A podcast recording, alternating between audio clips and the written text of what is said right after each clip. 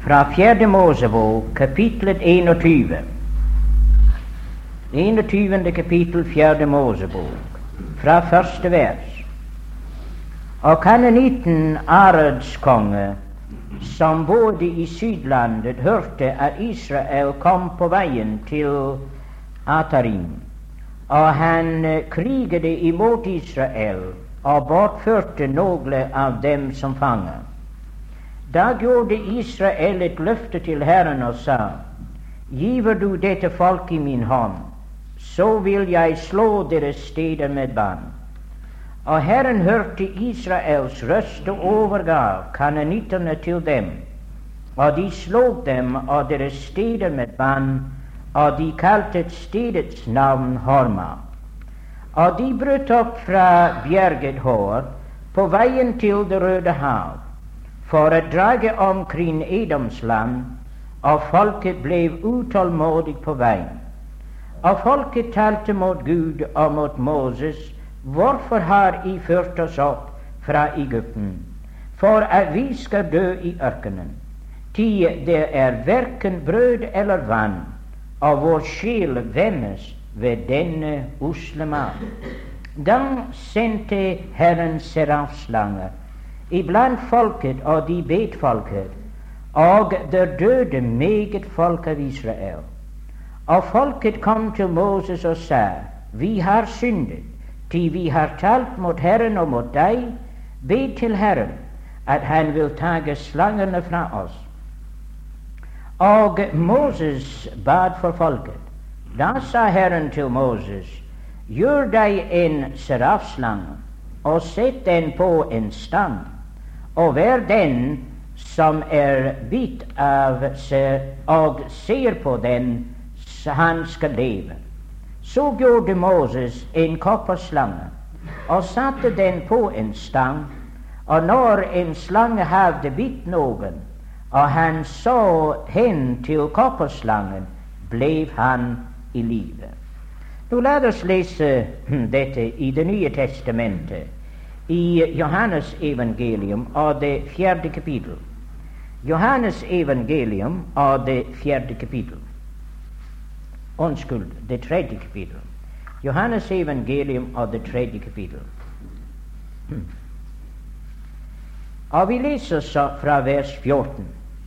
Og like som Moses opphøyede slangen i ørkenen, Således skal menneskesønnen opphøyes, for at hver den som tror på ham, skal have evig liv.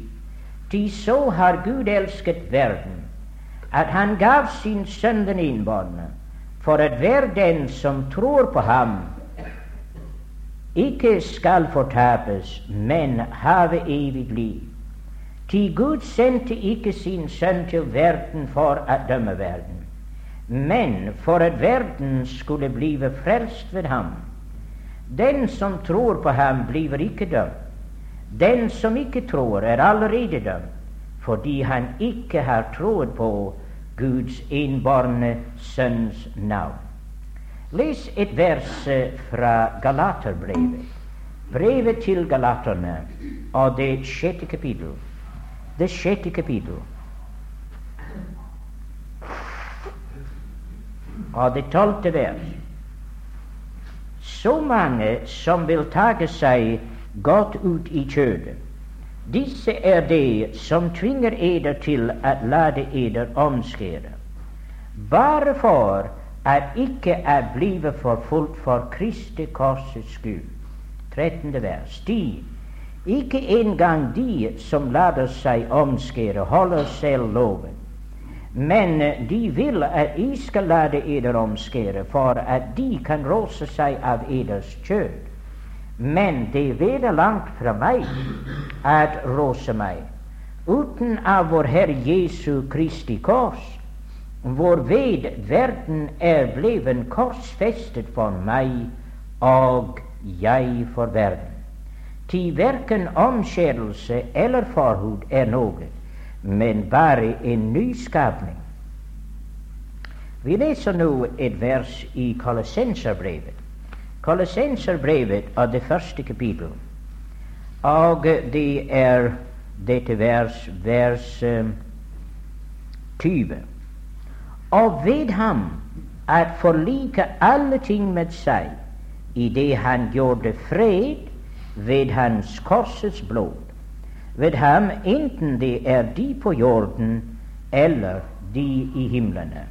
Og i det andre kapittel I det andre kapittel Og vi leser vers 15. Vers 15. Eller kan vi lese fra vers 14? Og utslettede skyldbrevet i måter som var skrevet med bud. Det som gikk oss imot, og det tok han bort i det han naglet det til korset. Han avvæpnede maktene og myndighetene og stillet dem åpenlyst til skue det han viste seg som seierherre over dem på korset. Og vers 20 er I avdøde med Kristus fra verdens barnelærdom. Hvorfor giver man eder da, som om I lever i verdens slike bud? Tag ikke, smak ikke, rør ikke. Nå må Herren rikeligen velsigne for oss lesningen av sitt dyrebare ord.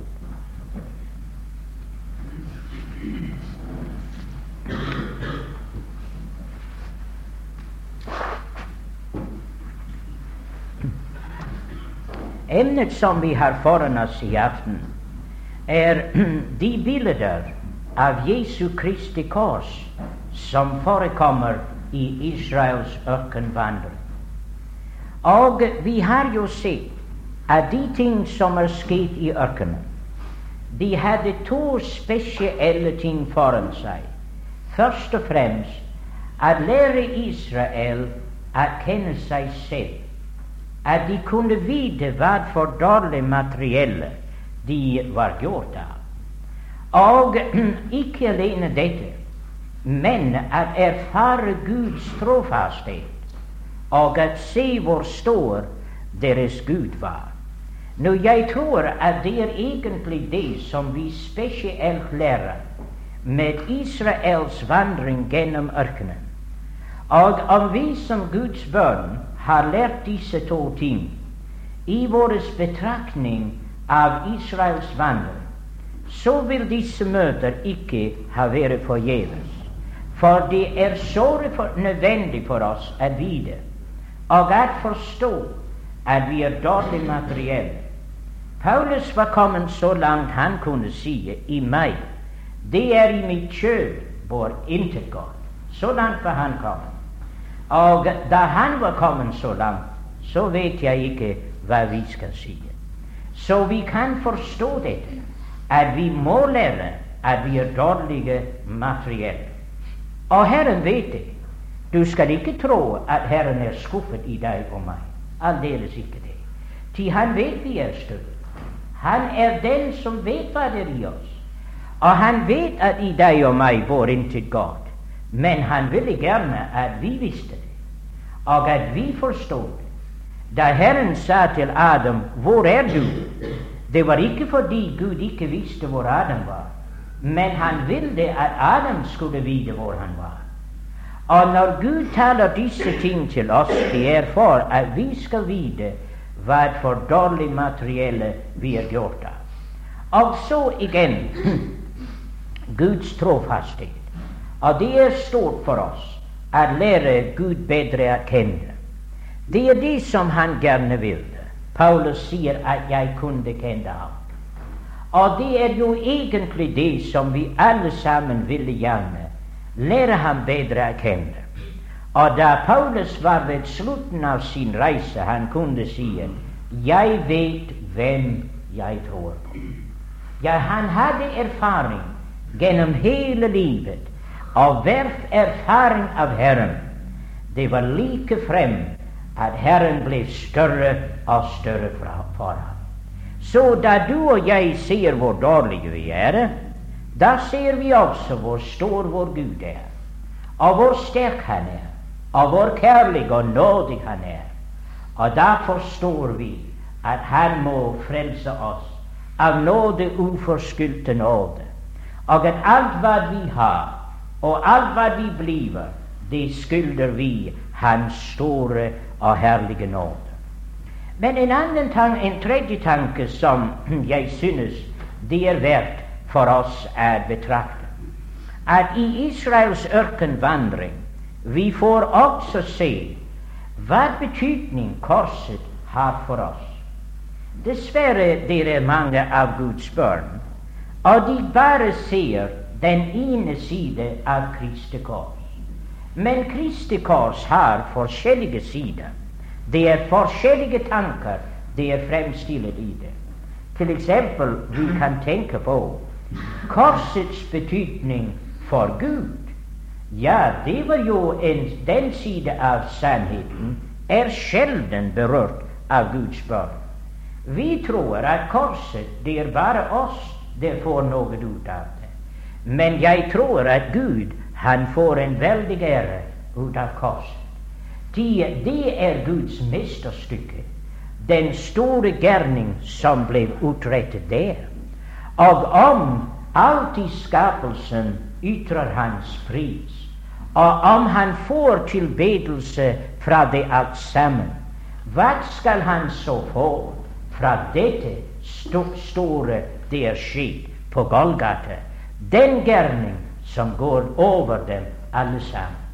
Ja, jeg tror at vår store og herlige Gud, at han har fått en ære ut fra Golgata. Og vi må ikke glemme det er en side av Golgata som har med Kristus å gjøre. For det står det sømmet seg for ham å lide disse ting og så gå inn i sin herlighet. Og det må vi være klar over også over. At hadde Jesus Kristus ikke gå til Golgata, at han ville hatt en mindre herlighet i dag enn man har. Han hadde en herlighet før denne verden var til, men den herlighet han har nå, som den store seierherre fra Golgata Ah, mine venner, denne herlighet er noe som er veldig stor. Så at Jesus han har fått noe ut av Golgata. Men da vi som Guds barn kommer til å tenke på den side som berører oss, så ville vi finne også at det er mange, mange ting som kommer til deg og meg gjennom Golgata.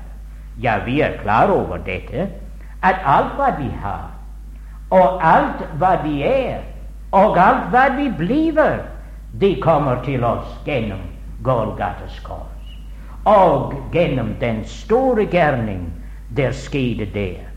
Nå da jeg taler om korset, så tenker jeg ikke på et stykke tre bare. Nei, jeg og Bibelen, når den taler om korset, den er ikke bare det stykke tre som Jesus døde på, men det er hele denne gjerning som dette ord innbefatter korset. Han gjorde fred ved sitt korsets blod. Så de ting er for oss den betydning som ligger i Kristi fullbrakte verk på Golgata. Nå, vi har jo sett at Israels barn hadde allerede hatt flere erfaringer som brakte frem for dem disse herlige sannheter om korset. Vi ville kun berøre dem, noen av dem i aften igjen.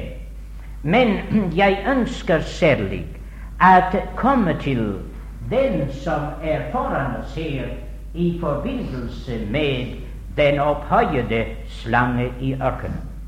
Men for å gå tilbake til begynnelsen Vi visste her at lammet i Egyptens land, at det var jo et bilde på korset.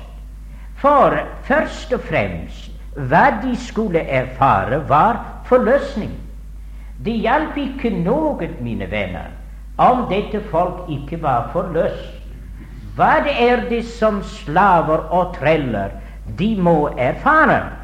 Det første de må erfare, er dette de må være forløst. Og dette er den store tanke ved Golgates kors. Det hadde aldri vært en forløsning for deg og meg om det ikke hadde vært for Golgates kors.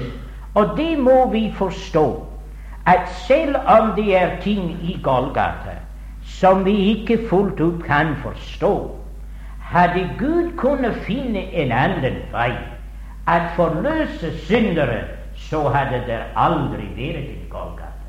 Men det var ingen annen vei. Og det må I være klar over, at den der vil forkynne noe annet enn Kristi kors til forløsning, de sier ved andre ord at Gud har tatt feil, at det var en annen vei. Men Guds ord lader oss vite at det var ingen annen måte for oss å blive fri fra Satans makt enn forløsning. Jeg forstår ikke den store ting og som er i forløsning. Jeg venter heller ikke at jeg kan forstå dem fullt ut medens jeg er her, men jeg grunner på dem dag for dag, for jeg vet at det er dybder i det, og det er høyder i det, og det er lengde og bredde i det, som du og jeg ikke har noen anelse om. Det er det dype og det sterke guddommelige ting. Men hvordan at Gud gjennom blodet som var anvendt på dørstolpen der i Egyptens land, og den første fødtes død i Egyptens land, at på denne måte han skulle frie sitt folk ut av Egypten, det forstår verken du eller jeg. Og meget mindre kan vi forstå hvordan og hvorledes den store gjerning var da Gud gav sin sønn, den førstefødte, på Golgata for å løse deg og meg ut av Satans makt og herredømme. Men det er en kjensgjerning at ved hans blod det er forløsning i hans blod. Og han vant en evig forløsning. Så derfor er det at vi har et evangelium å forkynne i dag. Et evangelium som taler om forløsning for alle treller. Det er frihetens dag, og vi kan forkynne frihetens evangelium til enhver sjel. Så det er gjennom Kristi dyrebare blod at der på Golgates kors han gav sitt blod, at løse oss ut av Satans makt og herredømme. Så den side av Golgata at i det det er en forløsning, at den store forløsnings eh, verk er fullbrakt, så du og jeg kan forlate Egypten og forlate Satans makt og herredømme som Guds friborne sønner. Vi kan si farvel til syndens trelldom. Takket være Herren, som således gav oss sin sønn på Golgata, at løse oss ut av mørkets makt og føre oss inn i Hans elskede Sønns rike. Så det er jo det første bildet som jeg synes det er vel verdt å understreke. Men vi sa også at det var et annet bilde, og det var da Israel kom til Det røde hav. Det står at de ble døpte til Moses i skyen og i havet. Nå, den tanke der ved Det røde hav, det så vi i Kolossenserbrevet. Det første der ved Egypten, da så vi at han gjorde fred ved sitt korsets blod. Han friet oss ut. Men her er det noe helt annet. Da viser det seg at han er vår fred. I den forstand at han har slått alle våre fiender. Jeg aldri forstod dette uttrykk, at han er vår fred. Jeg kunne ikke få det inn i mitt hjerte og forstå det, at han er vår fred. Det ble meg ganske umulig å forstå det. Inntil en gang jeg leste i Dommerens bok Vær så god, Olaf. Kom bare.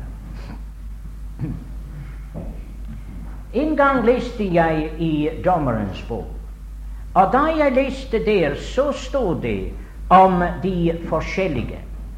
Og det står at uh, den og den, han slo alle fiender. Og så var det at han var hos dem i 40 år, men all den tid han levde, hadde de fred. Men så døde han, og da kom det ufred. Men så reiste han opp en annen dommer, og all den tid den dommer levet, da hadde de fred. Men når han døde, da opphørte fred. Men da kom det for meg at så lenge dommeren levet, da var det fred. Så egentlig han var deres fred, ikke sant? Så lenge han lever. Og da kom det for meg han er vår fred. Ti, så lenge han lever Se, han har seiret over alle fiender. Og så lenge han lever, så har vi fred. Og det er dette som vi ser også ved Det røde hav. At Jesus Kristus han seiret over alle våre fiender. Og så lenge han lever, så kommer det ikke flere fiender så er alle fiender ham underlagt, og han er vår fred. Nå, det er dette som vi lærer ved Golgata. For vi leste i Kollensenserbrevet der at han stillet dem åpenlyst til skue idet han seiret over dem på korset. Ja, seiret over dem. Han avvæpnede maktene og myndighetene. Og han stillet dem åpenlyst til skue idet han seiret over dem i hans død. Så der på korset, mine venner, der var et veldig slag. Og Golgata var en seier, og han seiret alle over alle våre fiender. Så korset er ikke alene Kristi død, men korset er alle våre fienders død. Han tilintetgjorde ham som hadde dødens velde. Og den som bare sier at Jesus døde for deg, så at dine synder er sonet, du kan ikke være så glad som den som sier også at da Kristus døde, at han seiret over alle dine fiender. Ja, da blir du mer glad. For da forstår du at han er oppstanden fra det døde, og han er din fred. Han er din fred. Så ville du ikke alltid se inn i ditt eget hjerte for å se om alt er i orden inn her. Nei, du vil se opp til ham for å se om han lever ennå. Og det vet vi, han lever alltid. Å gå i forbønn for oss, og han er vår fred. Så at der ved Det røde hav lærte vi dette at Herren seirede over alle våre fiender, og han ikke alene forløste oss med blod, men han forløste oss ved makt, til han seiret over alle våre fiender, og han er nå ved Guds høyre hånd. Så gled deg i dette, min venn, at korset er jo en virkelighet. Men da kom vi jo til dette lille sted som heter Mar. Og da fikk vi vite dette, at endog Mara skulle vi lære noe om Kristi kors. Ja, derfor er det, tror jeg, at vi får lære dag for dag betydningen av Kristi kors. Så da de kom til Mara, vannet var bitter. Men så ble det sagt til Moses, ta dette treet, og kaste det i vannet. Og da visste det seg da ble vannet lekt. Alle den bitterhet som var i det, var vekk. Det var det samme vann. Men da korset kom inn i, da var det annerledes. Og hva er det som det står? Paulus han sier, 'Jeg vil rose meg av Kristi kors'. Av Kristi kors. Det er det at du og jeg da vi bringer korset inn i vårt liv. Og da vi riktig forstår dette, at det som står oss imot i denne verden, er fordi vi hører Herren til. Fordi vi har tatt stilling med Ham. Vi leser om noen at de er fiender av Kristi kors.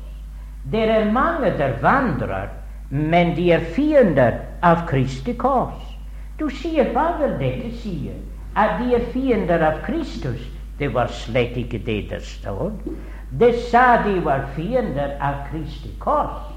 Se, de vil ha en kristendom uten kors. De vil ha en kristendom der ikke har noe kors å bære. Men du og jeg må forstå dette, at vi må ta korset opp.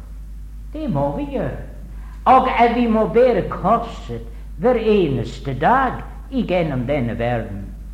Og da sier du, men dette her er bitter. At jeg skal stå imot alt den vanner og forhånelse og spott og alle dette som verden ville øse over meg fordi jeg er Guds barn. Men hvis du tar korset inn i det, da blir det Kristi vaner.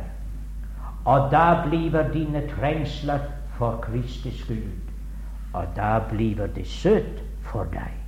Og da ville du råse deg som Paulus av Kristi kors istedenfor å prøve på å unngå korset.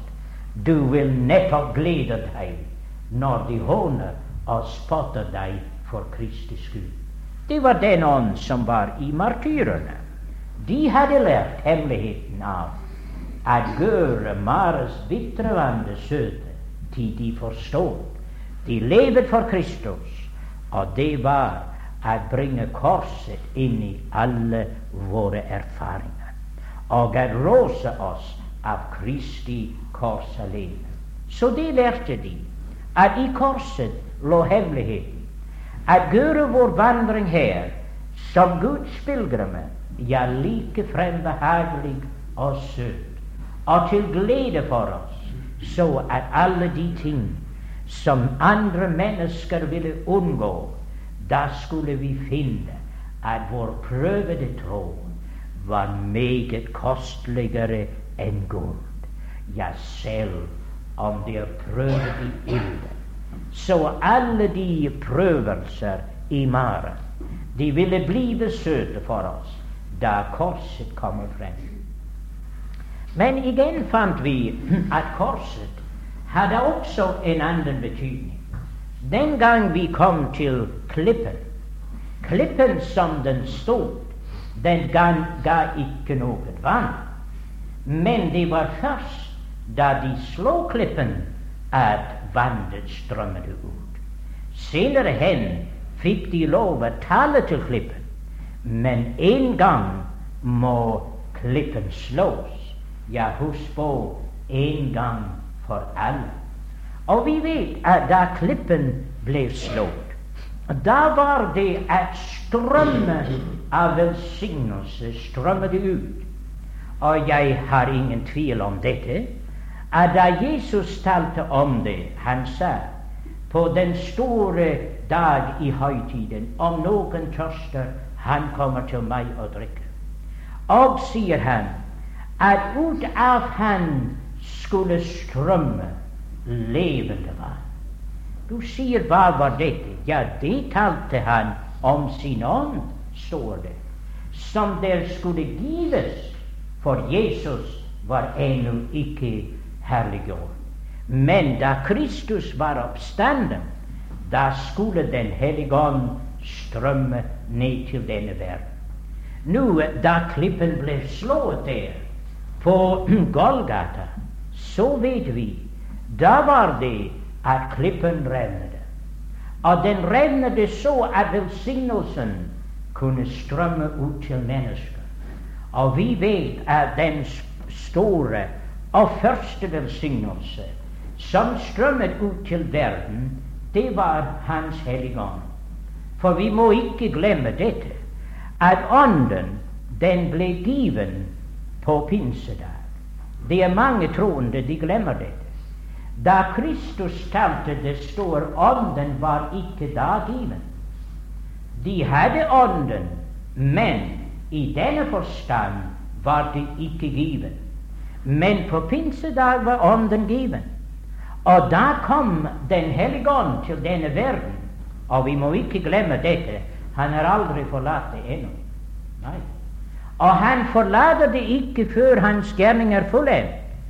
Før han henter oss hjem til himmelen. Og vi hører folk i dag bede om en annen pinse. Men min venn, du har aldri hørt dem bede om en annen Golgata. Nei, du sier det var bare én Golgata, og det var bare én pinse. Bare én pinse. Og det var jo dette at han sendte sin sønn til Golgata, men han sendte sin ånd på pinsedag.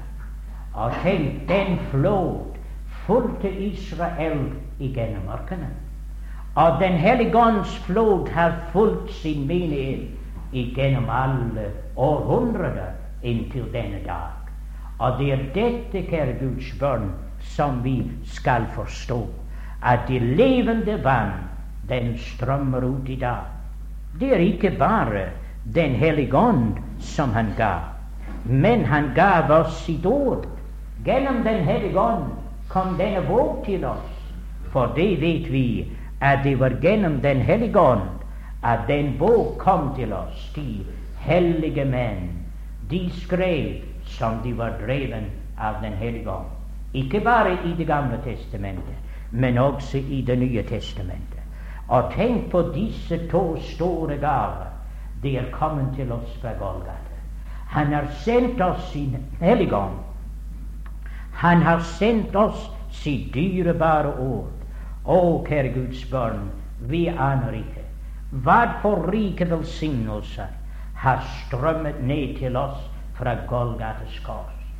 Og vi vet at alle de velsignelser vi har, om det er syndernes forlatelse, om det er fred med Gud, om det er rettferdiggjørelse, eller om det er det evige liv, alle disse rike velsignelser, de flyter til oss alle sammen fra Golgata.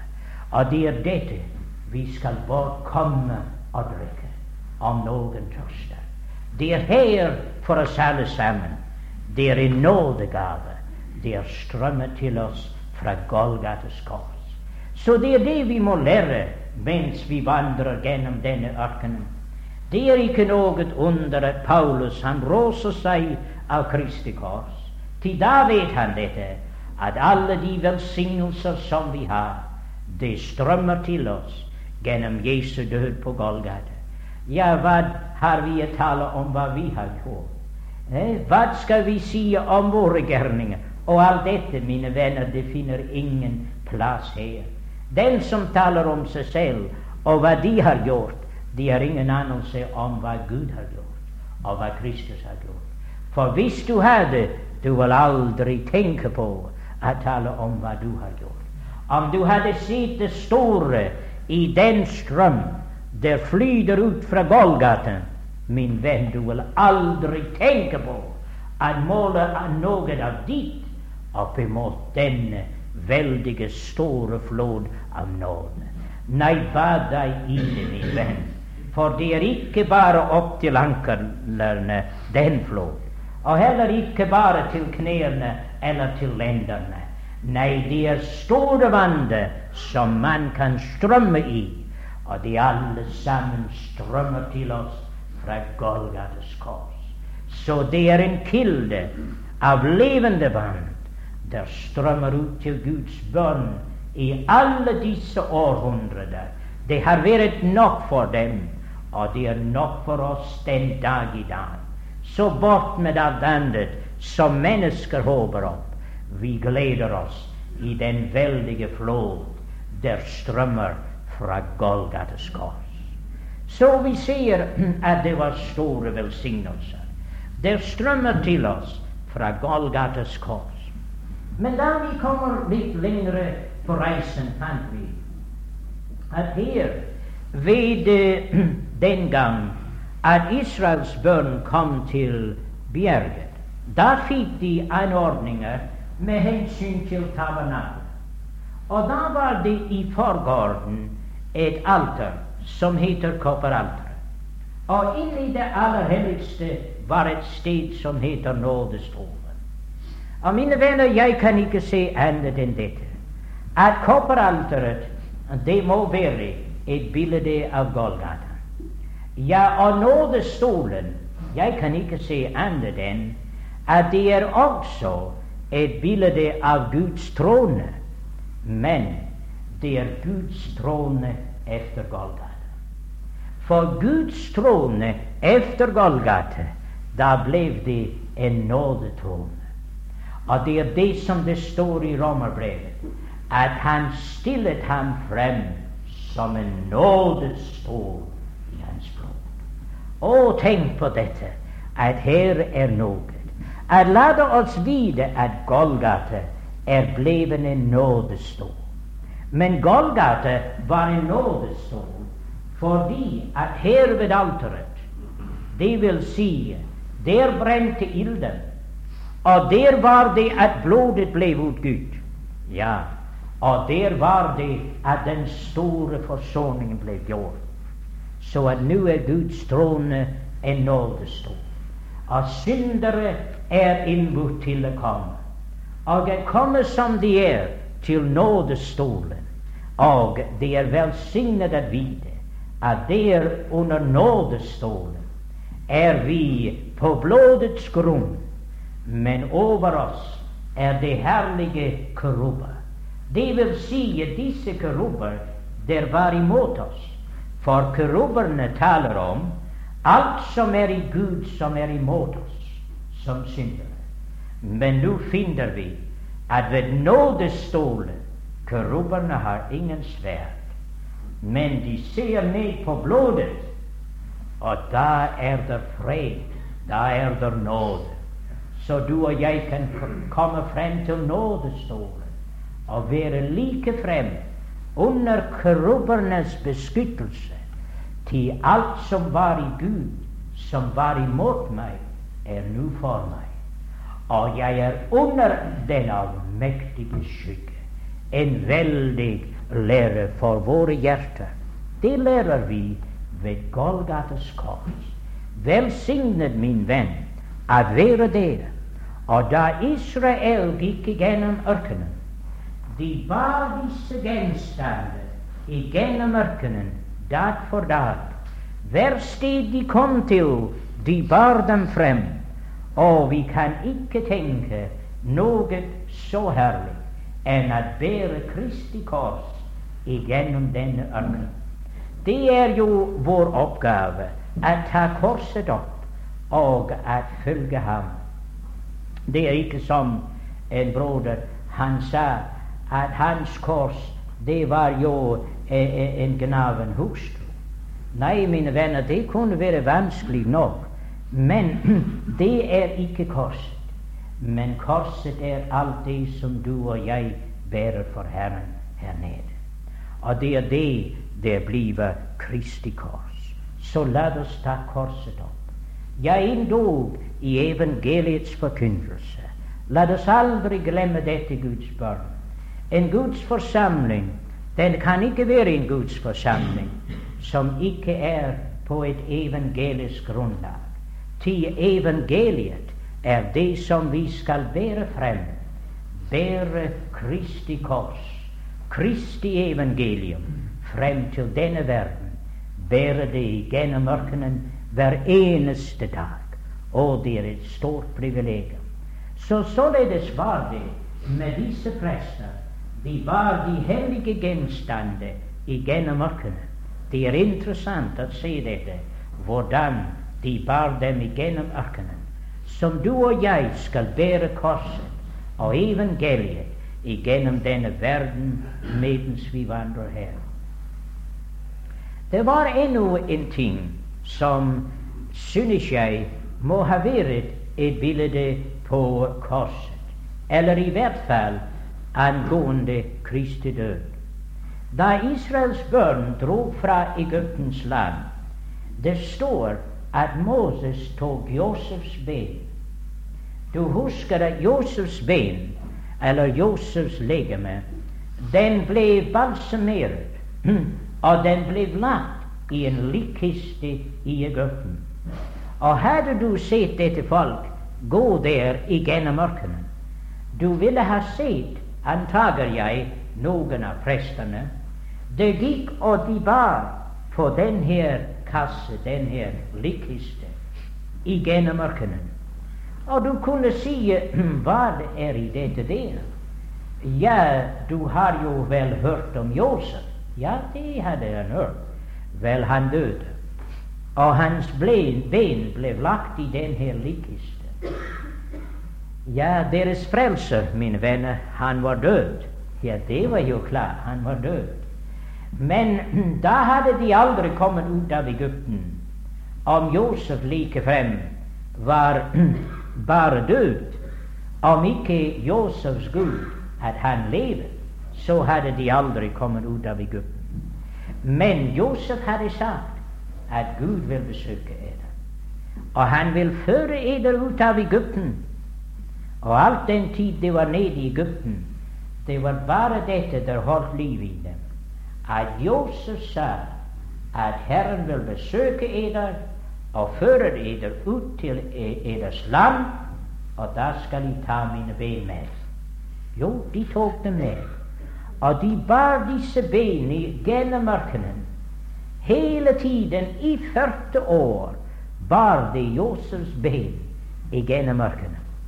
Men da de kom inn i det forjettede land, da var de ved Jeriko. Da de var kommet inn i det forjettede land, da kunne de for første gang begrave Josefs ben. Ja, det er noe for oss alle sammen Jeg minner våre hjerter om dette. At like frem at ihukomme vår Frelser og hans død. For det var sikkert en ihukommelse av Josef. Og hans død, den hadde like frem Jeg kan ikke se annet enn det var akkurat som brødsbrytelse er for Guds barn i dag. Det står 'i forkynder Herrens død'. I forkynder Herrens død. Så det hadde en forbindelse med fortiden. Forstår? med Josefs død i Egypten. Og den hadde en forbindelse med fremtiden. Han sier når de kommer inn i landet. Men innimellom så skulle de bære disse ben igjennom. Og jeg synes det er veldig sterkt bilde, dette. Brødsbrytelse har egentlig forbi en forbindelse med fortiden. At I forkynner Kristi død. Ja. Og den har en forbindelse med fremtiden inntil jeg kommer.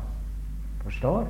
De hadde den samme tanke i det og det samme håp inntil jeg kommer. Så Israel bar Josefs ben igjennom ørkenen i alle de 24 år. Men da de kom til landet, ja, da kunne de begrave disse ben. Og Guds barn, Herren har sagt, gjør dette til min ihukommelse. Og han sier, gjør det inntil jeg kommer.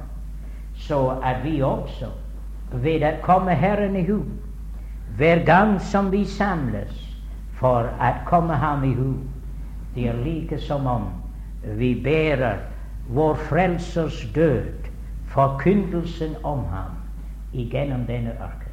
Men når vi kommer hjem, da skal vi ikke behøve disse minner å minne oss om hans død. Nei, da skal disse bilder begraves. For da skal vi se ham selv, og vi skal alltid være hos ham. Men det var mange, mange ting der måtte ha talt til disse israelitters hjerte. Og jeg tror at israelitterne de forstod meget mer til disse ting enn hva du og, og jeg aner. Og da jeg har lest i salmene, jeg har vært meget oppmuntret med at se at Israels børn de forstod mange av disse bilder Og vi finner det meget kraftig illustrert i Davids salmer. Så la oss se at Herren, han også gjennom disse bilder ville lære deg og meg en eller en annen ting gjennom vår vandring her i denne verden. Nå, Vi var kommet siste aften så langt som til Kades Barnea, og vi så at Israel de ville ikke gå inn i landet. Og da måtte de gå tilbake til ørkenen.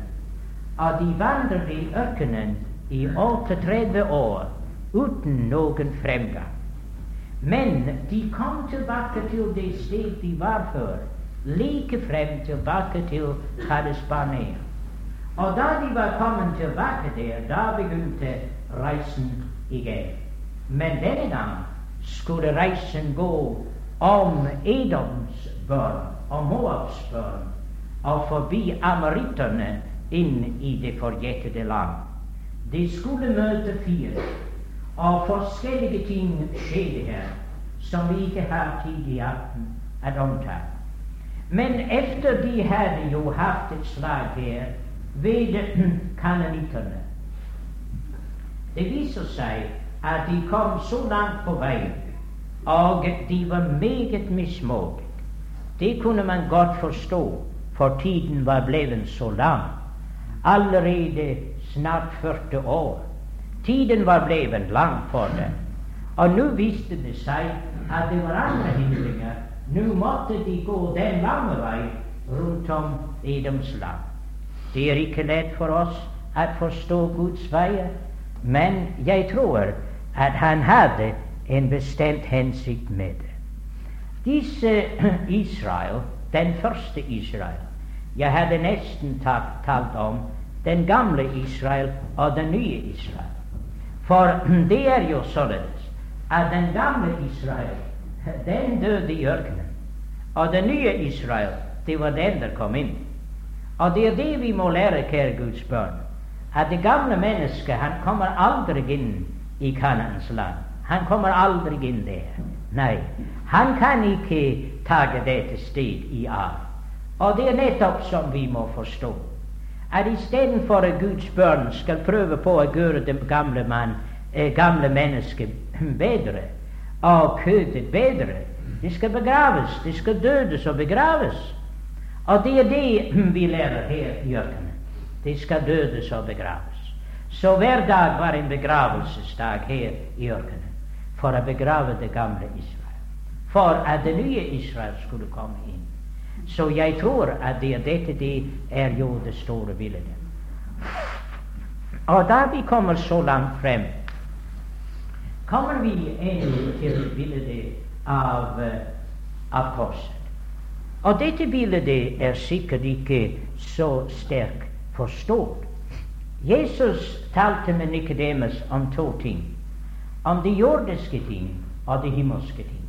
Han sier om vi har fortalt deg de jordiske ting, og jeg tror ikke, hvordan skulle jeg så tro om vi forteller de himmelske ting?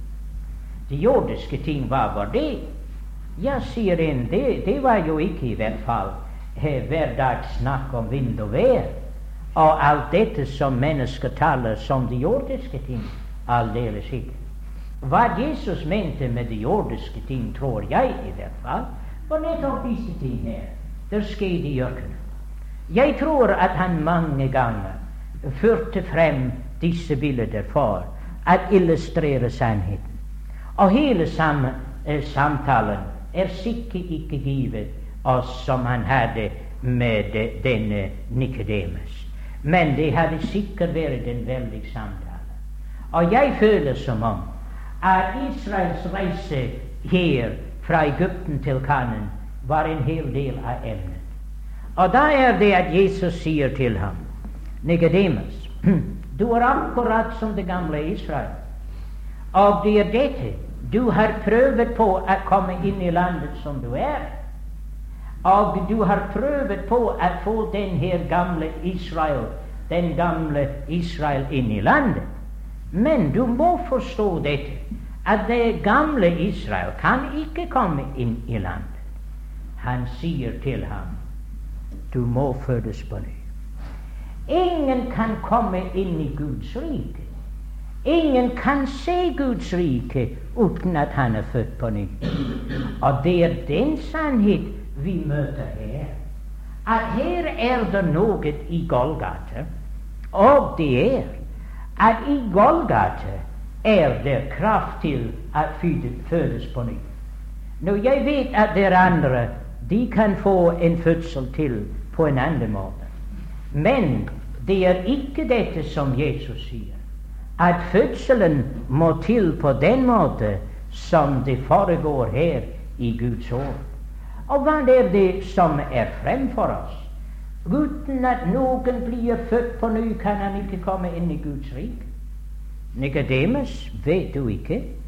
Om jeg har fortalt deg de jordiske ting her, og du ikke forstår det, hvordan skal du forstå om jeg forteller deg de himmelske ting?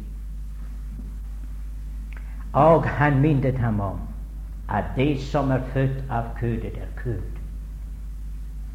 Ja, men hva har dette med emnet å gjøre? Vel, kødet kan ikke arve Guds rike. Aldeles ikke. Det er håpløst. Ja, men hvem kan så arve Guds rike? Det nye mennesket kan arve Guds rike. Så at ved andre ord, du må være, bli et nytt menneske. Å, sier en, kan jeg ikke lappe på meg. Jeg er ikke så dårlig. Jeg synes Israel burde ha visst nå etter all den lange reise og alle de mange erfaringer at de var meget dårlige. Og jeg synes, min venn, at du må også kunne forstå det.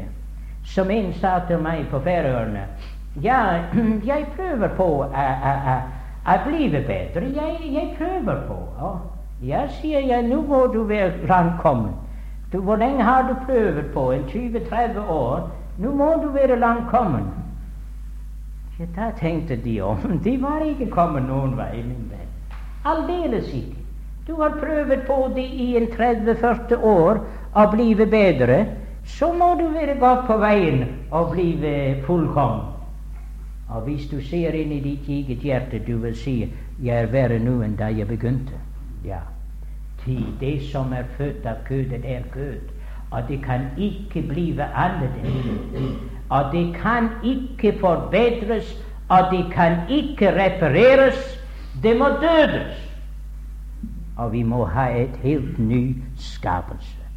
Derfor står det om noen er i Kristus Jesus, da er han en ny skapning. En ny skapelse, ved andre ord. Ja, det er han. Og det er det du må bli min venn. Så det hjelper ikke med Du kan lappe på det gamle så meget du vil, men du kommer aldri inn på denne måten. Det er det som det er fortalt her ved kopperslangen i ørkenen. Det var dette som Herren ville ha det vite, at det evige liv er ikke noe som du får da du kommer til himmelen. Men hvis du ikke har det evige liv kan du ikke komme inn i himmelen. Om du skulle komme til himmelen uten å ha det evige liv, så ville du be Gud om å få lov å slippe ut igjen. Til du kunne ikke være det. Til du har ikke en natur der passer til himmelen. Men det er det du må ha. Det er kun det nye mennesket, det nye Israel ved andre ord, som kan således komme inn i Guds rike. Så derfor måtte den store, stolte Nikodemus bøye seg for dette, at i meg, i mitt kjød, bor intet godt. Og der er meg. Der på Golgates kors, det er døden til det gamle mennesket. Det er enden på ham. Evig dømt Men i det nye mennesket og det nye mennesket er Kristus. Da kan vi komme inn. Så å, at du kunne forstå det, min venn. Da ville du gi opp all din egen streben. Og da ville du kaste deg i Jesu armer og tro på ham og finnes i ham.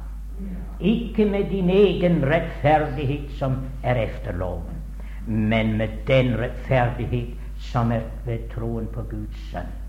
Ti, der ved det opphøyedes land så står det Ti, som Moses opphøyet slangen igjen, så må menneskesønnen opphøyes, for at hver den som tror på ham, skal få evig liv. Du må ha evig liv, min venn, for å komme til himmelen. Jeg sier en, men hvordan kan jeg få evig liv? Du kan få evig liv på samme måte som Nikodemus fikk det evige liv. Og som Israel i ørkenen fikk det nye liv. Da var det at de var aldeles håpløse og hjelpeløse. Men da ble den slange opphøyet, en gjenstand som du kunne se på. Merkelig nok, det var en slange, for en slange var et bilde, bilde på forbannelse, ikke sant? Men her er det forbannet skal en være som henger på et tre. Og slangen var det ikke et lam, nei, fordi det skulle fremstille at Kristus ble en forbannelse for oss. Og det skulle fremstille synden hva det er. Han ble gjort til synd for oss, han som ikke kjente til synd. For at vi kunne blive rettferdige i ham.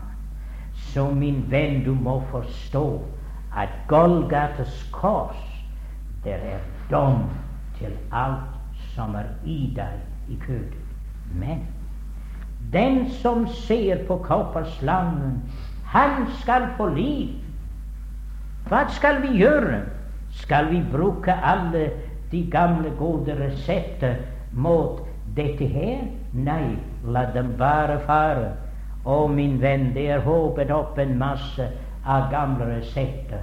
De sier de er gode, gamle skikker, men de er jo alle sammen gamle resepter. Men den eneste der duer, er se på land. Se på Golgata. Og det er ingen annen vei til frelse. Og ingen sjel får det evige liv av annen vei. Du kun bedrager din sjel, min venn. At lytte til noe annet, det er liv i å se på det korsfestede Guds lam, og der alene. Og vi trenger til i disse dager, for det er mange, mange mennesker der går og bilder seg inn de kan bli lekt ved de andre ting. Men aldri, min venn, det er Golgata. Hadde det vært en annen måte at du og jeg kunne ha fått det evige liv, så Kristus vil aldri ha gått til Golgata. Men det er ingen annen vei. Og du må selv se til Golgata. Men tenk, det er liv i et blikk på det korsfestede Guds lam. Bare, min venn, at se til ham i all din nød. Hva skjer? Det er noe der skjer inni ditt hjerte. Du er født på nytt. Den som tror på Sønnen, han har evig liv. Og hvis du i aften vil se bort fra deg selv og tro på den Herre Jesus Kristus i det samme nu, i det samme øyeblikk, har du det evige liv. Og det er ikke et moske du får men det er at du har det. Og derfor skal du si Gud takk for at du har det. Hva skal vi si når Gud sier til Nikodemus at den som tror på ham, skal have evig liv? Og de sier ja, ja, vi tror på ham, men vi må ikke si vi har evig liv. Må vi ikke? Om Gud sier det, så har vi lov til å si det. Og det er dette han sier, den som tror på Sønnen han har evig liv. Og du har evig liv, og du har lov til å si det. Og du har plikt til å bekjenne det, min venn, at du hører Jesus til, og du eier det evige liv i ham. For hvis du ikke har det evige liv, så har du ingen vitnesbyrd. For dette er vitnesbyrdet at Han har givet oss det evige liv, og dette liv er i Hans Sønn. Dette er vitnesbyrd. Og om du ikke kan vitne om at du eier det evige liv, du har intet vitnesbyrd. Til vitnesbyrdet er at vi har det evige liv. Og det er dette som vi har ved Golgata. Ikke alene forløsning, ikke alene seier over det gamle fiende, ikke alene en lekemiddel for alle våre smerter, og en strøm der flyter ut fra eh, klippen som bras, en soning, en nådestål hvor vi kan bøye oss. Men det er et kors opphøyet, et menneske opphøyet på Golgata, der giver liv til alle dem som vil tro på ham. Og da er du rede for himmelen. Da du har fått det evige liv, min venn, uten at noen blir født på ny, kom kommer han ikke inn i Guds rike. Og det var Jesus der sa det. Og uten at noen ser opp til Kristus på Golgata og tror på ham, så får de ikke det evige liv. Men hver den som tror på ham, de får det evige liv. Så så langt som vi er kommet, disse bilder, det fremstiller oss Golgata. Og de rike velsignelser der flyter derfra. Ennå har vi en tilbake, men vi kan la den så om Gud vil, i morgen aften taler vi litt om dette. Jordans flod. Den er også et bilde på Golgata. Og et herlig bilde på Golgata. Og det er alle sammen ting der underviser oss. De store velsignelser der strømmer til Guds børn fra Golgatas kors. Så det er vel verdt, kjære Guds børn, at ha en reise gjennom ørkenen med Israel for å se hvor dårlig du er. Og ha en reise gjennom ørkenen sammen med Israel for å se hvor god Herren er, og hvor trofast Han har vært. Og at en reise gjennom ørkenen, at se hva betydning Kristi kors har for deg og for meg. Og skulle det være en sjel som ennå ikke har vært til Golgata Jeg synes at det er nettopp en herlig anledning i aften. Å bøye deg for den frelser, Jeg tro på ham. Ja, min venn, akkurat der hvor du sitter. Du behøver ikke å vente til et møte efter, skjønt jeg har ikke noe imot å tale med en søkende sjel. Det er min største glede. Men, min venn, det kan skje der hvor du sitter. Du kan se bort til Kristus. Du kan tro på ham, og du kan takke ham for frelsen. Gjør det i aften, min venn. For husk på, uten at noen er født på ny, kommer han ikke inn i Guds rike. Så det var det vi skulle lære fra den opphøyede slange, at man må have det evige liv å komme inn. Må Herren velsigne sitt ord. Skal vi be. Fader, vi sier deg takk for Golgata. Takk for det dyrebare blod der fløt derfra. Men takk, Fader, for de mange velsignelser der flyter til oss fra Golgata. Takk, Fader, for det evige liv som du har givet oss i din Sønn. Vi gleder oss i, for alle våre kilder er i deg. Og vi priser deg for det. Nå la din velsigne til strømme for hjertet, Herre. Og skulle det være en sjel som ennå ikke er kommet til Golgata, vi ber deg om at den sjel må bøye seg i aften ved troen på deg og få det evige liv. Så hører du vår bønn, Fader. Vi ber om det i Jesu navn.